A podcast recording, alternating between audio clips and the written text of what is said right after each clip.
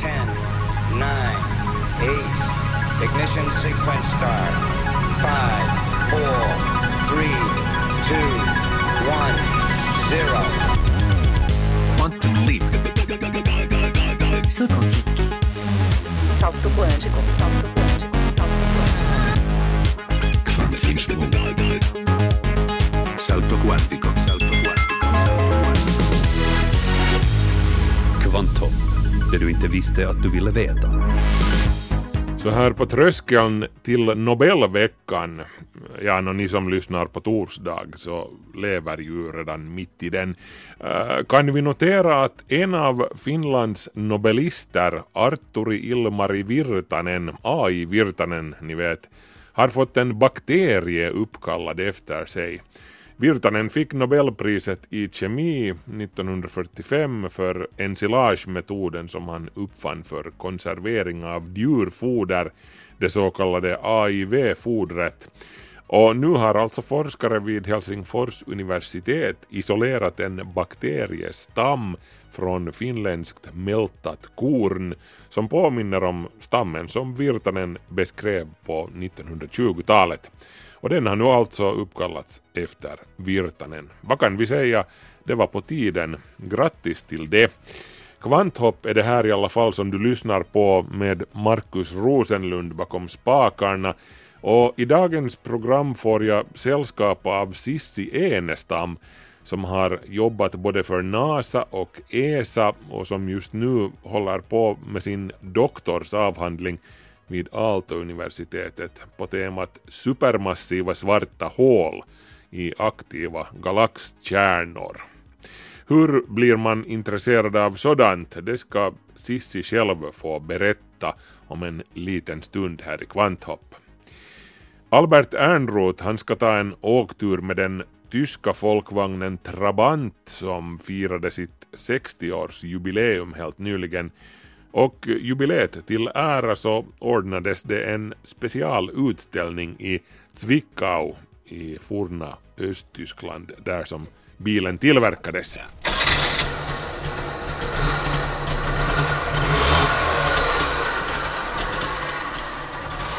Vi hörde ljudet av en startande Trabant som jag fick ratta i hallen. Och jag måste säga att det var verkligen en kul upplevelse. Trabanten tillverkades mellan 1957 och 1991 och blev Östtysklands populäraste bil.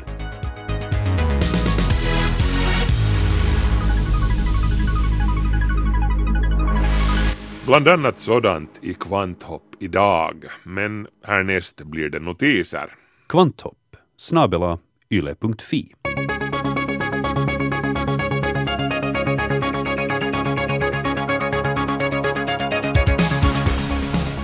Ni som blir kallsvettiga av blotta tanken på att sitta instängd i en aluminiumburk i skyn allt för länge kommer inte att gilla det här. Flygplanstillverkaren Airbus har levererat det första exemplaret av den nya superjumbon A350 900 ULR till Singapore Airlines. ULR står för Ultra Long Range, Super Lång Distans och innebär i praktiken att planet hålls i luften minst 20 timmar på en tankning. Det här motsvarar mer än 17 000 kilometer. Det här ska vara möjligt tack vare att planet, trots att det hör till världens största passagerarplan, har en förhållandevis lätt kropp av kolfiberkomposit. Singapore Airlines kommer att trafikera sträckan Singapore till New York med det nya planet och då är flygtiden 18 timmar och 45 minuter. Planets kabin sägs vara så rymlig och tyst och bekväm att en så lång flygning inte ska vara ett problem. Tja, no, efter att ha flugit med en A380 från London till Singapore så var åtminstone jag helt mör i kroppen efter bara 12 timmar. Och det är också ett väldigt stort och bekvämt plan. Internet kommer att delas itu, tror Googles före detta direktör Eric Schmidt som citeras av CNBC. I framtiden kommer det att finnas ett censurerat och begränsat internet under ledning av Kina och sedan det friare internet lett av USA. Eh, Kinas internet censureras redan nu kraftigt. Det är omöjligt att nå många västerländska sajter och eh, information rörande regimens kritiker och om yttrandefrihet är blockerad. Eric Schmidt menar att det kommer att gå så långt att vi till slut måste betrakta Kinas webb som ett helt separat internet. Och Google är ju faktiskt en av dem som har gjort det här möjligt. Företaget har kritiserats i väst för att de arbetar på en censurerad version av sin sökmotor för den kinesiska marknaden. Project Dragonfly heter den och den ska automatiskt stoppa information som den kinesiska regeringen inte vill att folket ska ha tillgång till. Det rapporteras också att den ska länka samman sökningar med sökarens mobilnummer ifall att regeringen skulle vilja ha tag på personen i fråga. Hur ska man veta när det är dags att sluta solbada? The Guardian skriver om ett knep för att avgöra det här. Ett simpelt armband av papper med ett smiley face printat i UV-känsligt bläck. Beroende på hur länge du är i solen så får det här smiley facet sedan antingen ett leende eller en sur min. Det finns också olika armband kalibrerade för olika hudtyper eftersom mörkhyade människor tål mer sol än ljushyade.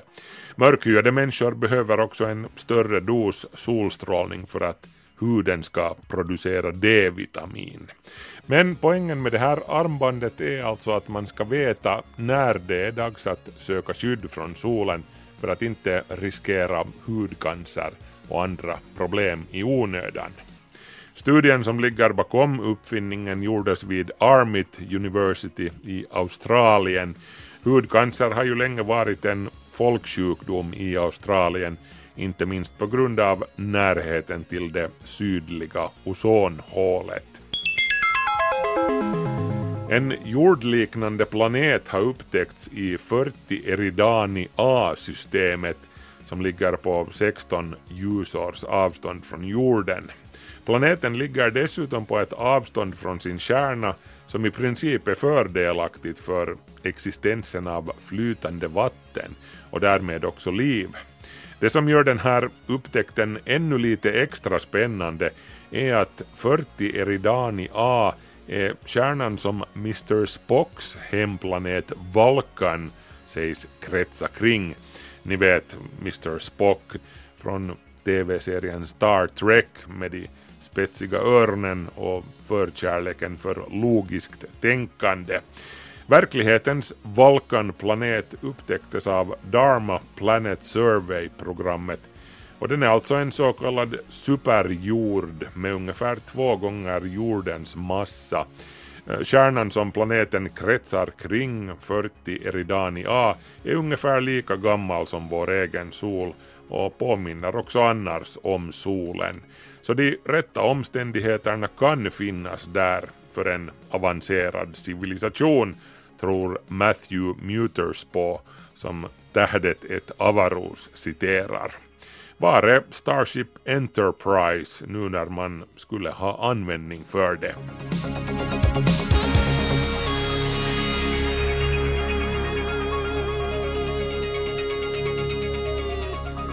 Den europeiska polismyndigheten Europol ser det som en risk att företag och organisationer som drabbas av dataintrång väljer att betala ut pengar till hackare som kräver dem på en lösensumma. Det kan nämligen bli billigare än att tvingas betala ännu större sanktionsavgifter till den övervakande myndigheten när det har skett ett dataintrång. Men dataombudsman Reijo Arnio han betonar att det lönar sig att anmäla. Kun viitataan tähän hallinnollisen sanktiokäyttömaksuun, joka siis maksimissaan on 4 prosenttia liikevaihdosta, niin se ei, se ei ole automaatio. Vi kan kräva betalning på upp till 4 procent av ett företags globala omsättning, men det ligger ingen automatik bakom det, säger Arnio och tillägger att varje fall är individuellt och att Dataombudsmannens byrå utfärdar eventuella sanktioner först efter noggranna bedömningar. Det är fel att tänka sig att det är bättre att betala en hackare än att anmäla till oss, tillägger han.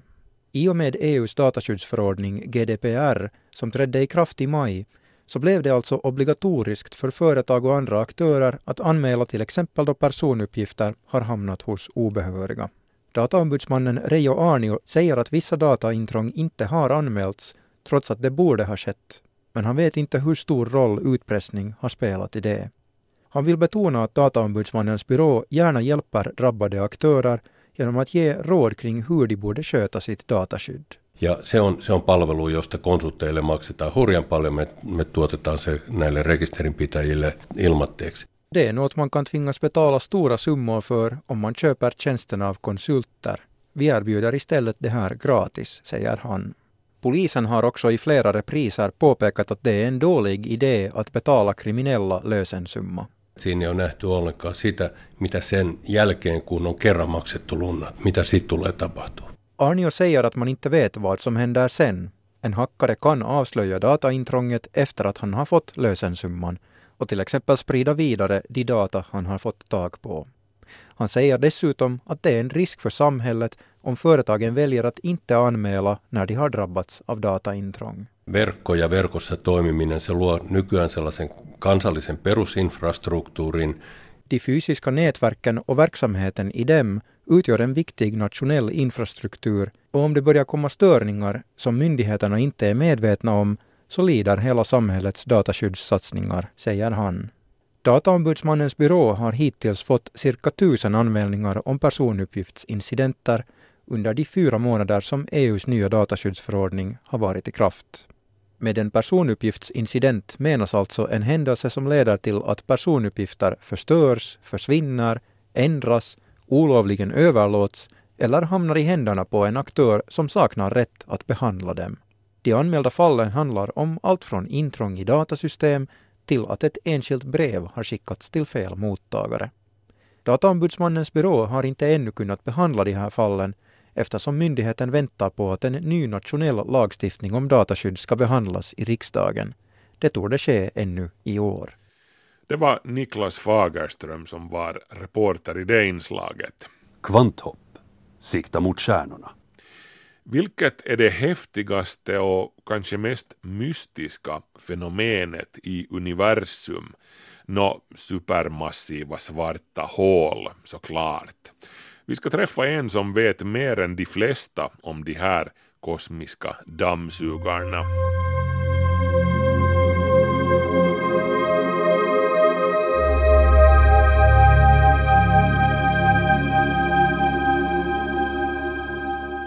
Sissi Enestam är 32 år gammal. Hon har jobbat för både NASA och ESA. Hon har studerat fysik vid tre olika universitet i USA, Skottland och Frankrike. Just nu är det doktorstudier vid Aalto-universitetet som gäller.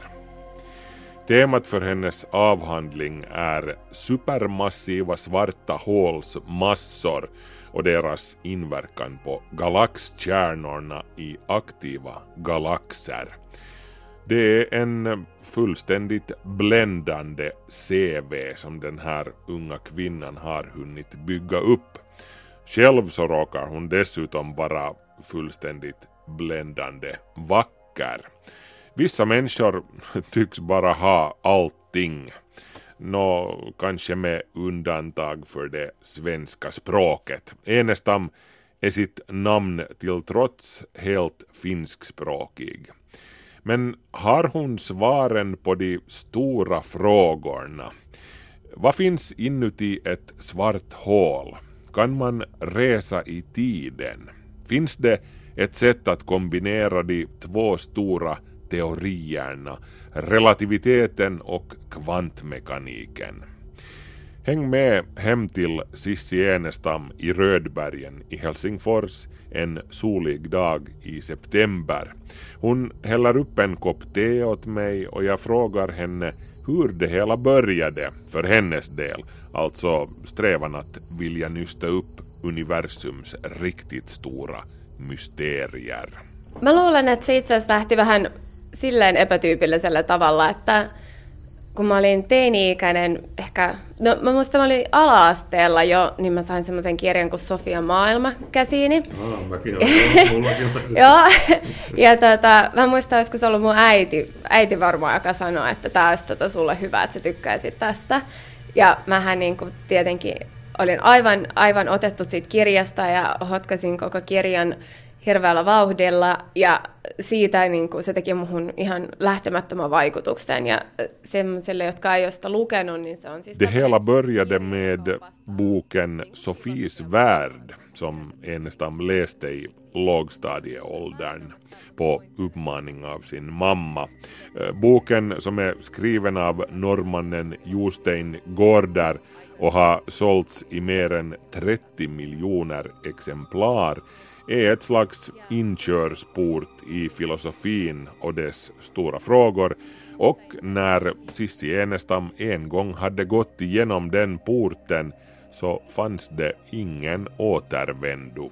Siitä mulle tuli suuri kiehtomus siihen, että mä halusin tutkia, tai, tai mä aloin miettiä, että, että miten niin kuin, miksi maailmankaikkeus on tämmöinen, kaiken maailman metafysiikan kysymyksiä, että, ja, ja kaikkea tietoisuutta ja, ja olemista ja, ja kaikkea tällaista. Ja sitten mä jonkin aikaa mä sit luin filosofiaa ihan siis omaksi huvikseni. Sofies värld fick Sissi Enestam att fastna i de här djupa metafysiska frågorna om varför universum är sådant som det är, om medvetandets mysterium och om varför vi finns till överhuvudtaget och så vidare. Så hon pluggade filosofi på egen hand och gick på filosofirelaterade evenemang ensam för ingen av kompisarna delade direkt hennes intresse.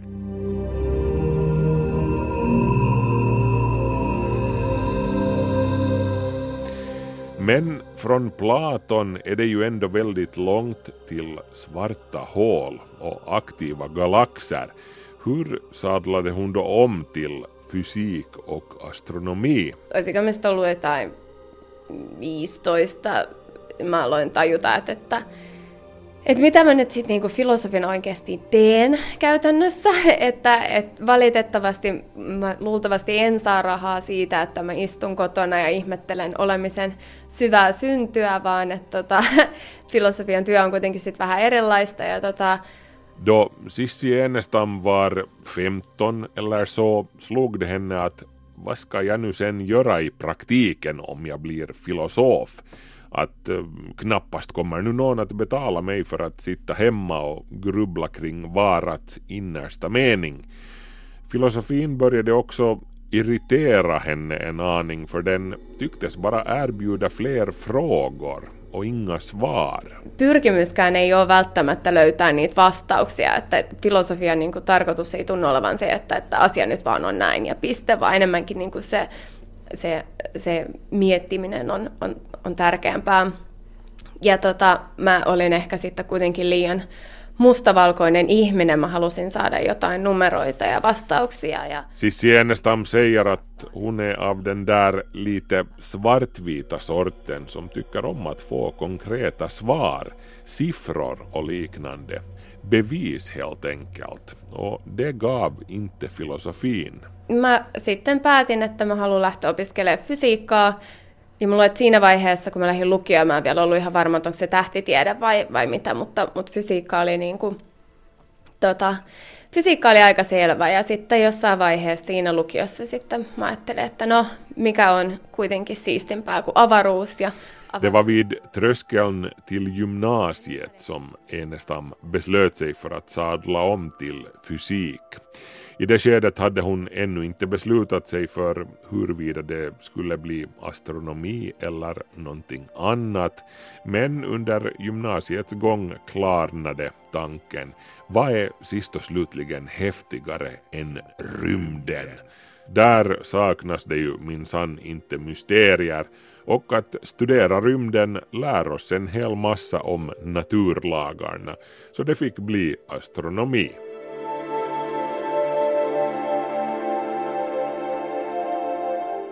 Men här vill jag komma med en invändning. Hon ratade alltså filosofin för att den är för abstrakt och avlägsen från verkligheten.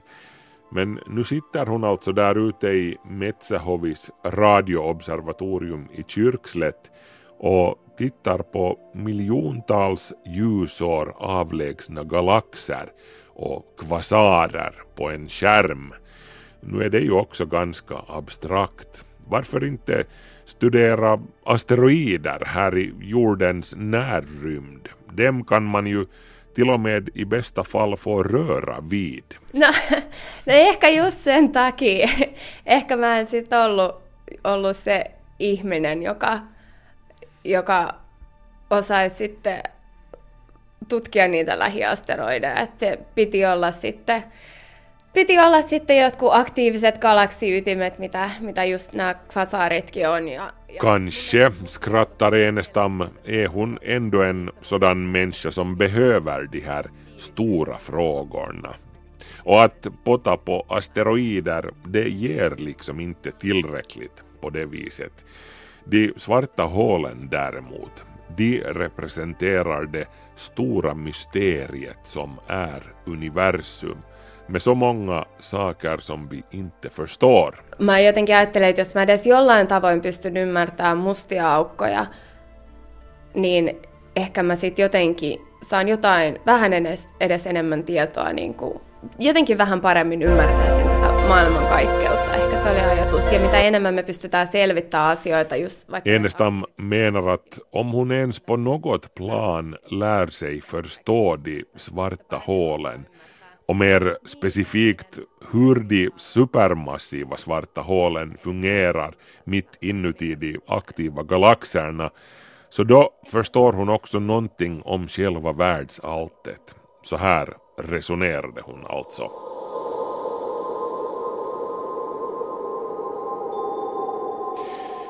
Jag har själv varit ute en del och talat om rymden i skolor, till och med i förskolor. Och en fråga som barnen alltid vill ha svar på är att vad finns inuti ett svart hål? Och jag har inte riktigt kunnat ge något vettigt svar på den frågan för så vitt jag vet så är det ingen som vet det med säkerhet. Eller har jag fel? Vad säger den verkliga experten på temat? Vad finns inuti ett svart hål, Sissi Enestam?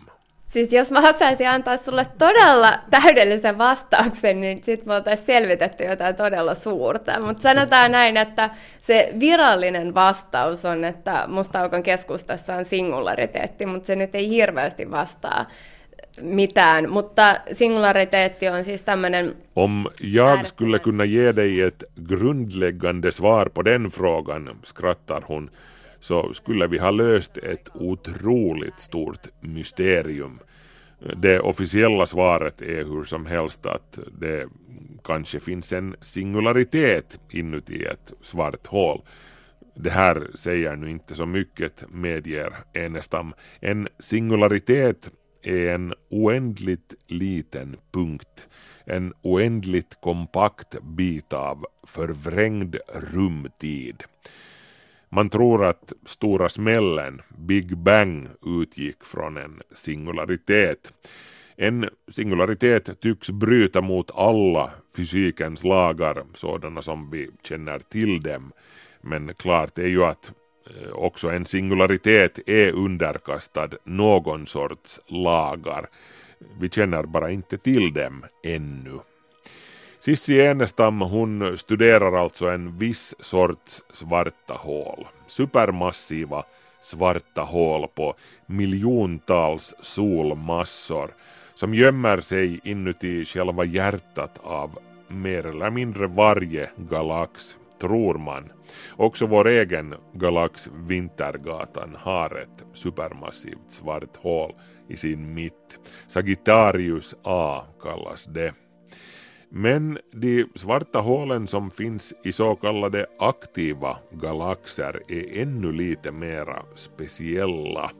De slukar enorma mängder av den omgivande materian som då den kretsar runt själva hålet allt snabbare och snabbare avger oerhörda mängder energi på hela det elektromagnetiska spektrumet. Den lyser som en jättelik kosmisk fyr på alla tänkbara våglängder.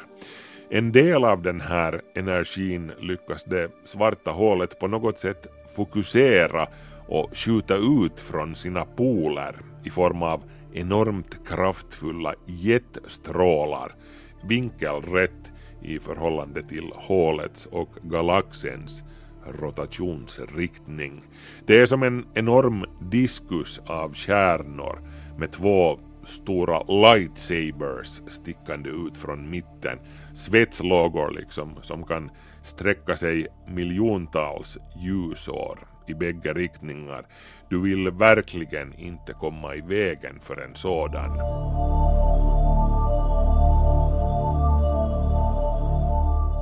Och det är uttryckligen den här kosmiska strålkanonens mysterium som Sissi Enestam hoppas kunna lösa en vacker dag. Se suihkujen esimerkiksi syntymismekanismi, sitä ei ole pystytty vielä ihan selittämään. Eli sitä ei ihan täysin ymmärretä, minkä takia nämä supermassiiviset mustat aukot pystyy sinkoa tätä materiaa niin niistä suihkuista. Se on esimerkiksi yksi asia, johon munkin tutkimus hieman liittyy ja mikä. Hur uppkommer jetstrålen som det supermassiva svarta hålet skjuter iväg? Det är någonting som vi helt enkelt inte vet ännu, säger Enestam. Men hon är också intresserad av symbiosen mellan det supermassiva svarta hålet och själva galaxen, hur de två påverkar varandra. Det verkar ju som sagt som så att så gott som varje galax har ett supermassivt svart hål i sin mitt. Nå, allt det här är ju superintressant på riktigt, men jag är säker på att det är någon där hemma just nu som sitter och funderar att ja men vad har det här för betydelse för mig? Kommer det att leda till någonting konkret som jag kan dra nytta av? En bättre mobiltelefon kanske? Nå, här måste Sissi Enestam kanske göra dig besviken. Sanotaan, että se on vähän vaikea sanoa. Se ei ole niin kuin samalla tavalla kuin vaikka meillä Aallossa tehdään tosi siistiä tutkimusta monella alalla, mistä heti pystyy näkemään, että miten tätä voi hyödyntää vaikka tekniikasta.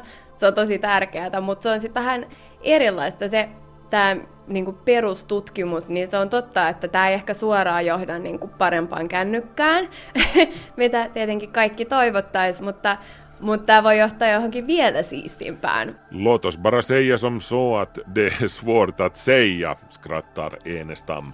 Aalto-universitetet är ju fullt med folk som gör spännande forskning som direkt kan utnyttjas för olika sorters ny teknik med allsköns praktiska tillämpningar.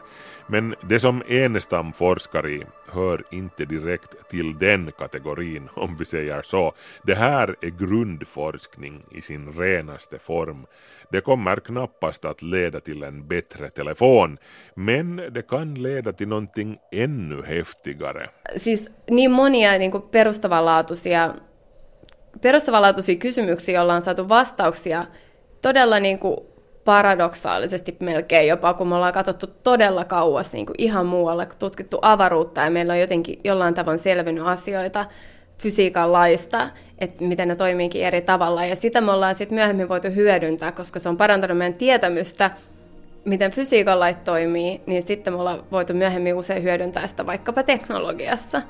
Man vet aldrig vilken sorts kunskap det kan leda till då man tittar riktigt långt ut i rymden, säger Sissi Enestam. Och hon har ju rätt förstås. Genom att stirra på fjärran himlakroppar har vi kunnat sluta oss till väldigt grundläggande egenskaper som vår egen värld har.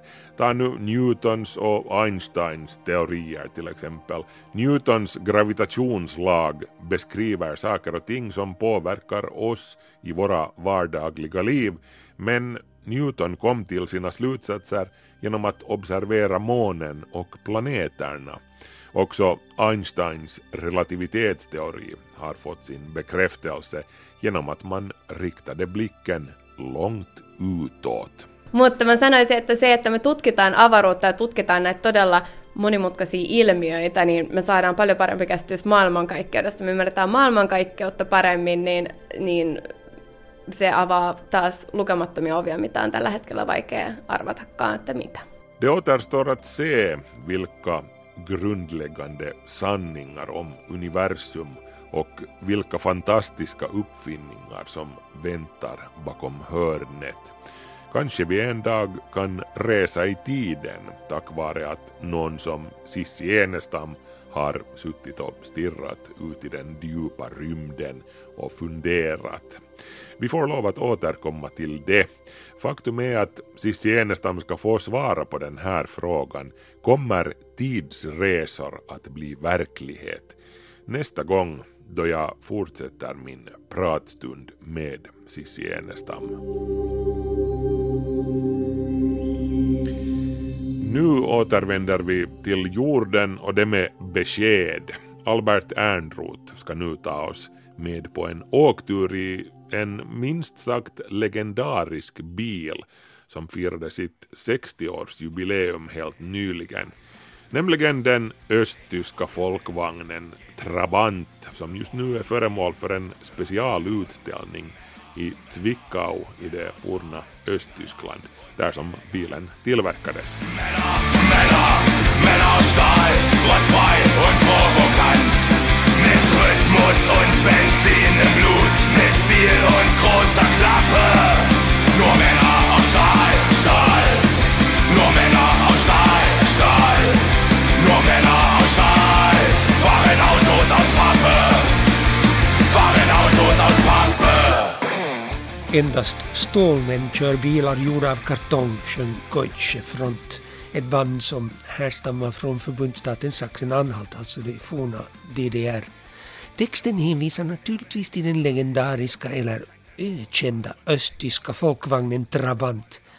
Ett kärt barn har många namn, men Trabanten hade ovanligt många nidnamn, bland annat Rennpappe och Plastebombe. Men smeknamnet var Trabi.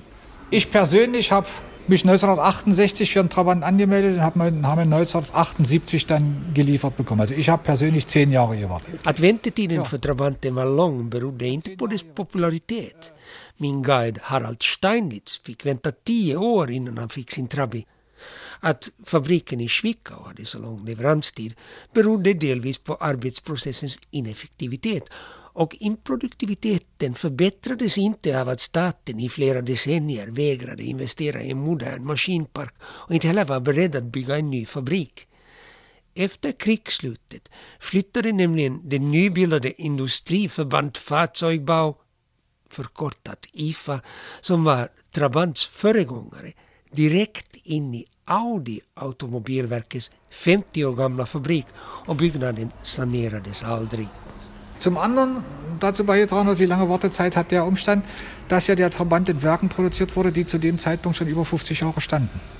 Alte Grundrisse noch hatten, in keiner Weise auf den, auf den Bedarf der zu der Zeit herrschenden äh, Verhältnisse eingestimmt war.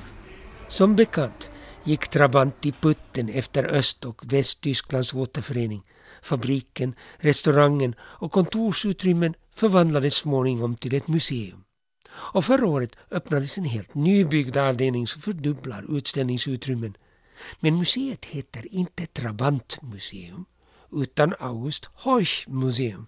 Och det är förståeligt att man kanske inte vill skylta med Trabanten. Och August Horch förtjänar faktiskt att uppmärksammas.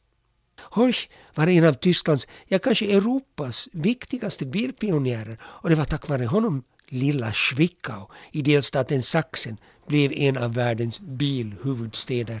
Die ersten deutschen Fahrzeuge, die gefahren sind, hatten ja die, Ren- die Lenkung noch rechts. Ja.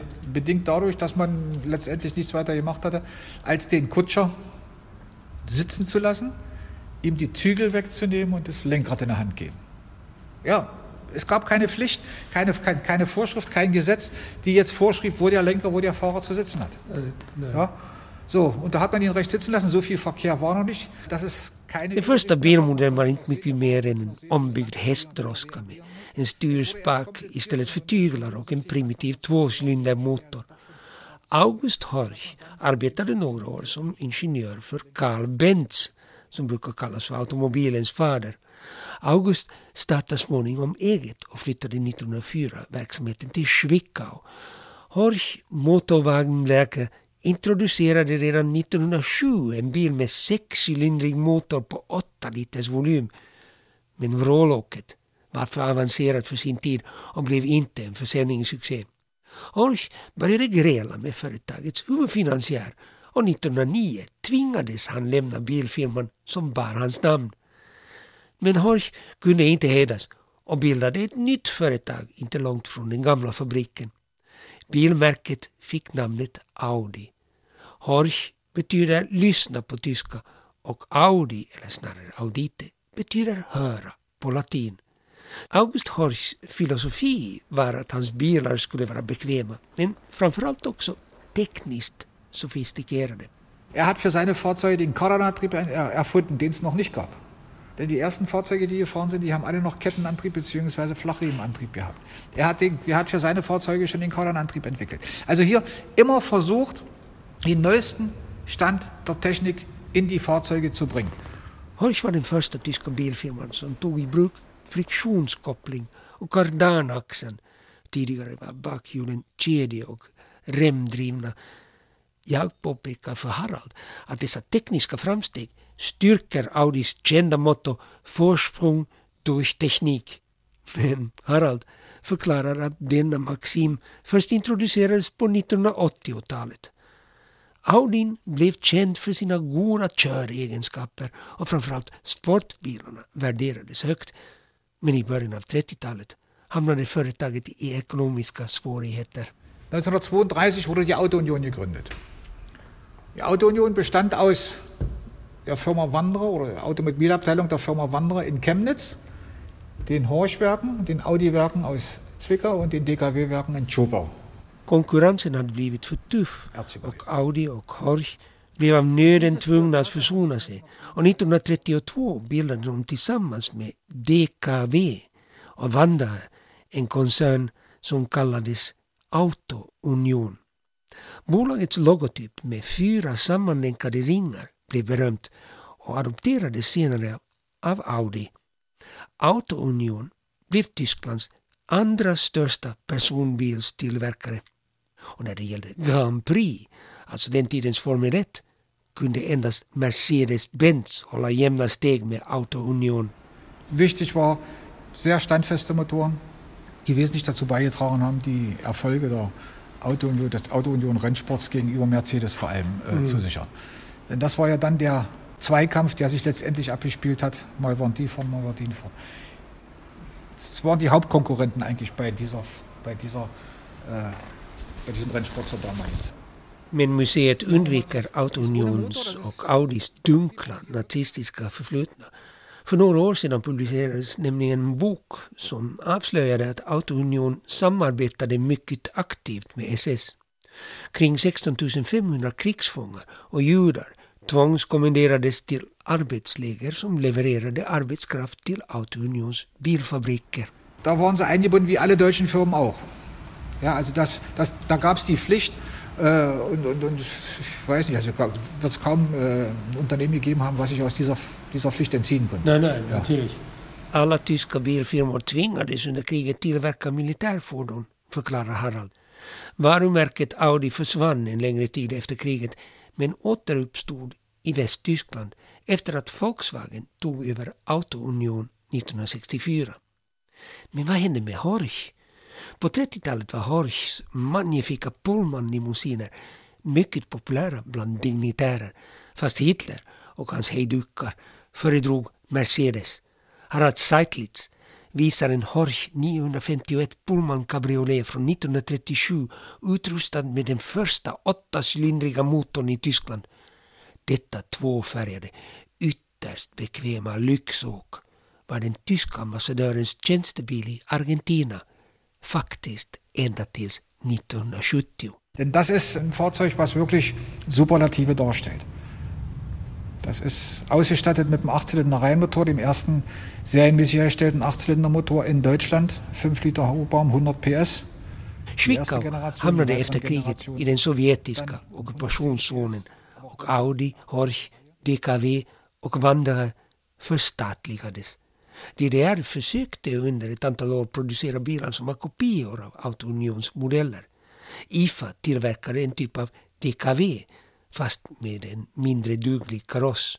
Sachsenring kallades en sexcylindrig prestigebil som tillverkades av Horsch Motorenwerke och som skulle påminna om en klassisk Horsch. Men namnet Horsch försvann helt när DDRs ledning beslöt att fusionera IFA, Horch, Audi, Zwickau och Sachsenring för att skapa en riktig folkbil. Den behagligt smattrande, knattrande Trabanten. Die Horchwerke und die Audi-Werke wurden zusammengelegt zum VEB Sachsenring. Das war dann, und das war dann der alleinige Hersteller von, von Trabantfahrzeugen hier in Zwickau.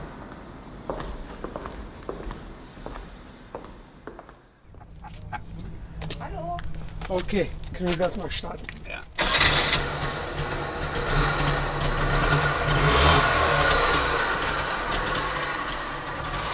Vi hörde ljudet av en startande Trabant som jag fick ratta i Halle. Och jag måste säga att det var verkligen en kul upplevelse. Trabanten tillverkades mellan 1957 och 1991 och blev Östtysklands populäraste bil. Trabantens formgivare hade uppenbarligen sneglat på DKV Juniors framgångsrika modell, alltså en västtysk bil. Hier stehen wir jetzt vor einem der ersten Trabant, ausgeliefert 1958. Der sogenannte 500er, Synonym. Das 500 bezieht sich auf den Hubraum äh, des Motors, ein Zweizylinder Zweitaktmotor, 500 Kubik Hubraum, 18 PS Leistung. Vi står framför den första Trabant-versionen som färdigställdes 1958 och döptes till P50. Det var en framhjulsdriven tvåtaktare med 500 kubiks motor. Men komfort var en svordom i DDR. Fyra år senare introducerades P60 med 600 kubiks motor och något skarpare linjer. Men därefter förblev designen i stort sett oförändrad bis zum bitteren Ende. Interiören fick ännu en ansiktslyftning, bland annat ett fungerande värmeaggregat och ventilation eftersom man nu kunde väva ner rutorna. Bagageutrymmet var verkligen stort.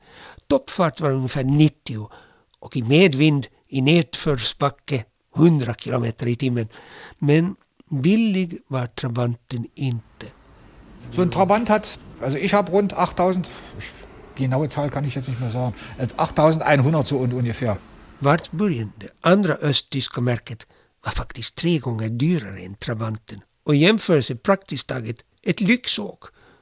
Harald Steinitz berättar att trots att lönerna var jämställda i DDR, och det var åtminstone positivt, och han och hans fru hade en någorlunda hygglig inkomst, räckte pengarna inte till Trabantens köpesumma.